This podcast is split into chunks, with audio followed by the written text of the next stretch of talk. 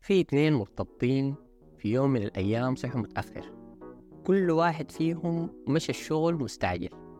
وقضى يومه كله في مشغولياته وناس البيت والسوق والمقاضي والضيوف واندمج مع زحمة اليوم حقت نص الأسبوع. والاتنين ما لقوا وقت يتكلموا فيهم مع بعض.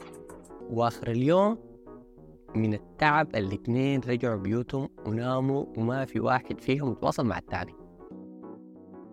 صحوا تاني يوم متأخر لأنه يوم أمس كان متعب. وطلعوا مستعجلين ونفس البرنامج. ثالث يوم كل واحد فيهم حيكون زعلان عشان التاني ما فقده وما اتصل عليه أو سأل منه. عزيزي المستمع إذا حاب تعرف الحصل شنو جيب حاجة تقصقص بيها.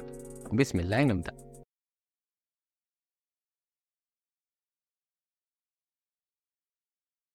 أهلا وسهلا يا صديقي المستمع في قناة فلنتحدث. كيف حالك وكيف كان يومك؟ إن شاء الله تمام.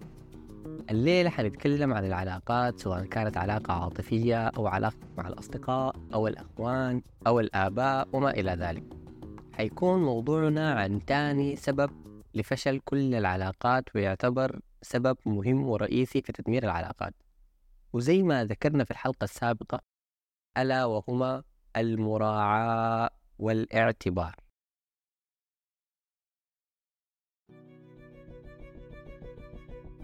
بعد الحصل من انشغال وغياب من الطرفين إحنا عارفين إنه واحد فيهم من النوع اللي بيظهر عليه الزعل والتاني من النوع اللي ما بيظهر عليه الزعل.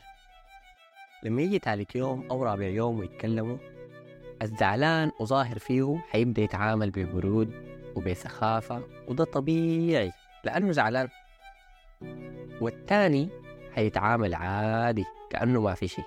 طبعا هنا بتظهر أهمية التواصل لأنه لو ما اتواصلوا وعبروا عن زعلهم إنتوا عارفين الموضوع ماشي على شنو.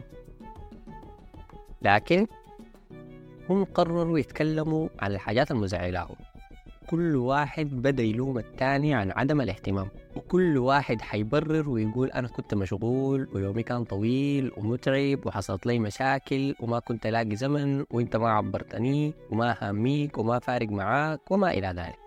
وممكن الزعل يتحول لشكلة وردود أفعال وكلام جارح وكل واحد كرامته تنوح عليه ويقرروا ينفصلوا أو واحد فيهم يجي على نفسه ويعتذر ويراضي لكن حيحس إنه الطرف الثاني ما قيمه وما عمل اعتبار لخاطره وزعله ولما يعتذر الثاني حيزيد جواه شعور إنه كان على حق ويقول أنا مستحمله بالرغم من إنه بيغلط علي وأنا ممشي له وما إلى ذلك عارفين حصل كده ليه؟ أولا عشان ما في واحد فيهم خدت اعتبار لإنه التاني عنده حياته ومشغولياته وإنه عنده هموم ومشاكل وأولويات وأهداف في حياته لازم يشتغل عليها. عشان كده عاين لمشغوليات نفسه ولام التاني على انشغاله ويعتبره إهمال وعدم اهتمام.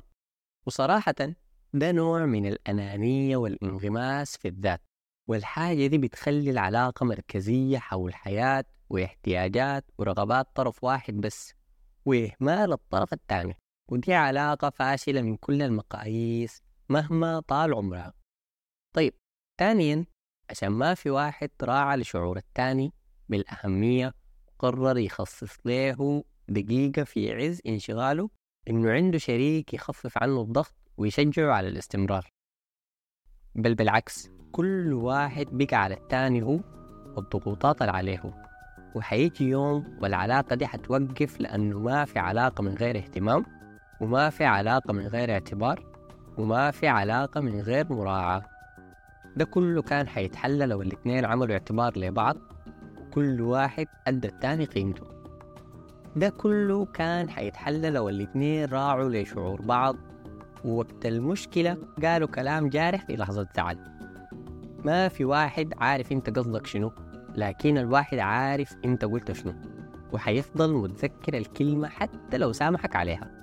ما كانوا حيصلوا لكده لو كل واحد عبر عن اهتمامه بالأفعال؟ الاهتمام ما معناه هيسألوا بعض أكلت أو شربت أو نمت كويس. الاهتمام ممكن يكون في إنك تكون مستمع جيد لما يشكي لك ما إلا يكون عاوز منك حلول هو بس عاوز يفضفض. عاوزك تخصص له دقيقة من يومك ترسل له فيها رسالة ممكن إنها تغير يومه لأحسن. هو بس عاوز من وقتك شوية.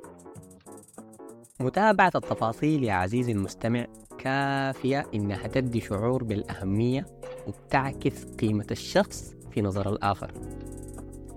في إنك تذكره إنه يعمل حاجة وشايف إنها ضرورية بغض النظر عن إنها بسيطة في نظرك يا درجة ما لازم العلاقة تمشي على رأي طرف واحد. لازم الاثنين يحترموا رأي بعض قرار بعض وخصوصا لو كانت مسألة شخصية. كثير بنسمع واحد نفسه يشتري فيه لكن صاحبه رافض عشان هو ما مقتنع أو شايف إنه ما مهم أو ما عاجبه. وعن وحدة نفسها تقص شعرها لكن صحباتها أو أهلها رافضين عشان هم بيشوفوا الشعر الطويل حلو. أدوهم مساحتهم الشخصية وخلوهم يقرروا لنفسهم احترموا رأيهم زي ما أنتوا عاوزين الناس تحترم رأيكم قراراتكم. دي كلها أسباب تنهي آلاف العلاقات مهما كان عمرها أو نوعها أو حجمها كده نكون وصلنا لنهاية حلقتنا في سلسلة أسباب فشل العلاقات. عزيزي المستمع إذا عجبتك الحلقة ما تنسى تعمل لايك وتشارك الحلقة مع أحبابك وأصحابك وتشترك في القناة. وشكرا لحسن الاستماع. والسلام عليكم.